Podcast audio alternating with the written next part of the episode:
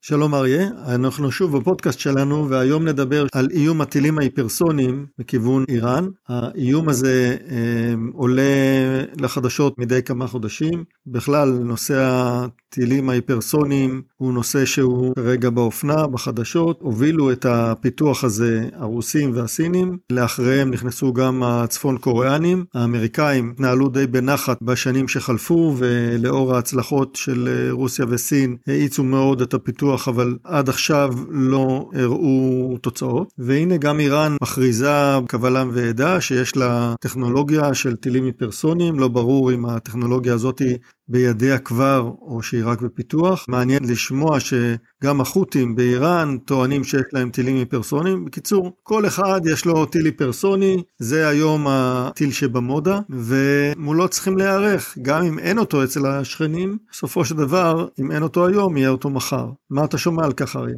כן, זה בהחלט אה, מעין אופנה לדבר היום על טילים היפרסוניים, אבל אני לא הייתי מזלזל, כמו שנוהגים לעשות אצלנו, לזלזל בידיעות שמגיעות מכל מיני מקומות בעולם, על מדינות שמשקיעות ומצליחות לפתח את הטכנולוגיה. מדובר בטילים שנעים במהירות של פי חמישה או פי עשרה מהירות הקול, ובישראל יש מדי פעם נטייה לזלזל, אה, הם סתם מבלבלים את הראש, fake news. אני לא הייתי ממליץ להתייחס לזה בזלזול, כי מדינה כמו איראן, אם אין לה את זה היום, יהיה לה את זה בעוד חמש שנים. כמו שזלזלו במל"טים האיראנים, היום האיראנים מספקים מל"טים תוקפים לרוסיה, לאוקראינה, והיום מתברר שהם גם הולכים להעביר יכולות ייצור של המל"טים האלה לרוסיה. כלומר, רוסיה הגדולה תיעזר בטכנולוגיה איראנית. האיראנים להזכיר התחילו את הפיתוחים הצבאיים שלהם על סמך reverse engineering של כל מיני מערכות שהם תפסו אמריקאיות רוסיות. עם השנים הם הלכו והתפתחו, הם פיתחו טילים בליסטיים ארוכי טווח, הם פיתחו משגרי לוויינים, הם פיתחו את המל"טים, הם גם יפתחו טיל היפרסוני. וצפון קוריאה עובדת על כך ומדינות אחרות. זה יחייב את ישראל להתאים את המערכת ההגנה הרב שכבתית שלה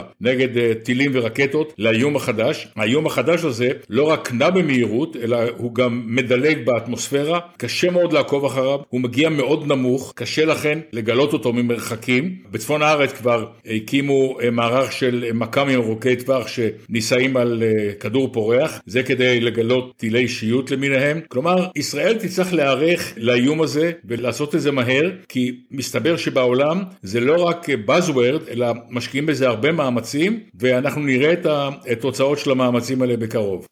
הטילים ההיפרסוניים, שכפי שאמרת, נעים במהירות גבוהה מאוד, מסוגלים לדלג כמו אבן שזורקים אותה בזריקה אופקית על המים. הטילים האלה יכולים לדלג על גבול האטמוספירה, לשנות את המסלול שלהם בצורה תזזיתית, ועל ידי כך למנוע ממערכות ההגנה את היכולת לנבא את המסלול ולנסות ליירט את הטיל המתקרב במסלול הזה. כך שהטיל ההיפרסוני יוצר בעיה רצינית מאוד לגילוי ולתגובה. בנוסף יש אה, סביב הטיל שטס במהירות רבה מאוד בשולי האטמוספירה, הוא יוצר שכבת פלזמה שמונעת החזרי המקם כיוון המקם המכוון, כך שיוצר בעיה רצינית מאוד. אחת השיטות לגלות ולעקוב אחרי הטילים האלה היא לצפות עליהם מהחלל. עד כמה שאני יודע לישראל אין היום לווייני התראה מפני טילים בחלל. בסך הכל יש כאלה לוויינים היום לרוסיה ולארצות הברית, ואנחנו לפי ה... הסכמים אה, והרצון הטוב של ידידותינו מקבלים התראות כאלה במידת הצורך. אז אה, טילים היפרסוניים ככל הנראה יהיה קשה מאוד לגלות ולעקוב אחרי מסלול הטיסה שלהם, אם הם בחלל ואם הם בתוך האטמוספירה. לוויינים חדישים שיוצרו או יפותחו עכשיו מול האיום הזה, כנראה בארצות הברית, אולי יוכלו לגלות את האיומים האלה. אם ישראל תרצה לשפר את שכבות ההגנה שלה, ומדובר בגרסאות החדשות ביותר של טילי החץ, חץ 4, שיצטרכו לבחון האם הם יוכלו לאפשר הגנה מפני איומים כאלה. כן, בהחלט. תיארת את זה נכון, זאת בעיה רצינית, כולם עוסקים בכך, בקרוב מאוד לדעתי אחת המדינות יהיה לה את זה, מדינה שהיא עוינת לישראל, ואנחנו נצטרך להכין את הסנסורים הנכונים וגם את מערכות היירוט. אנחנו נמשיך לעקוב אחרי הנושא המדאיג הזה ונעדכן אתכם במידת הצורך. תודה, להתראות תמיר.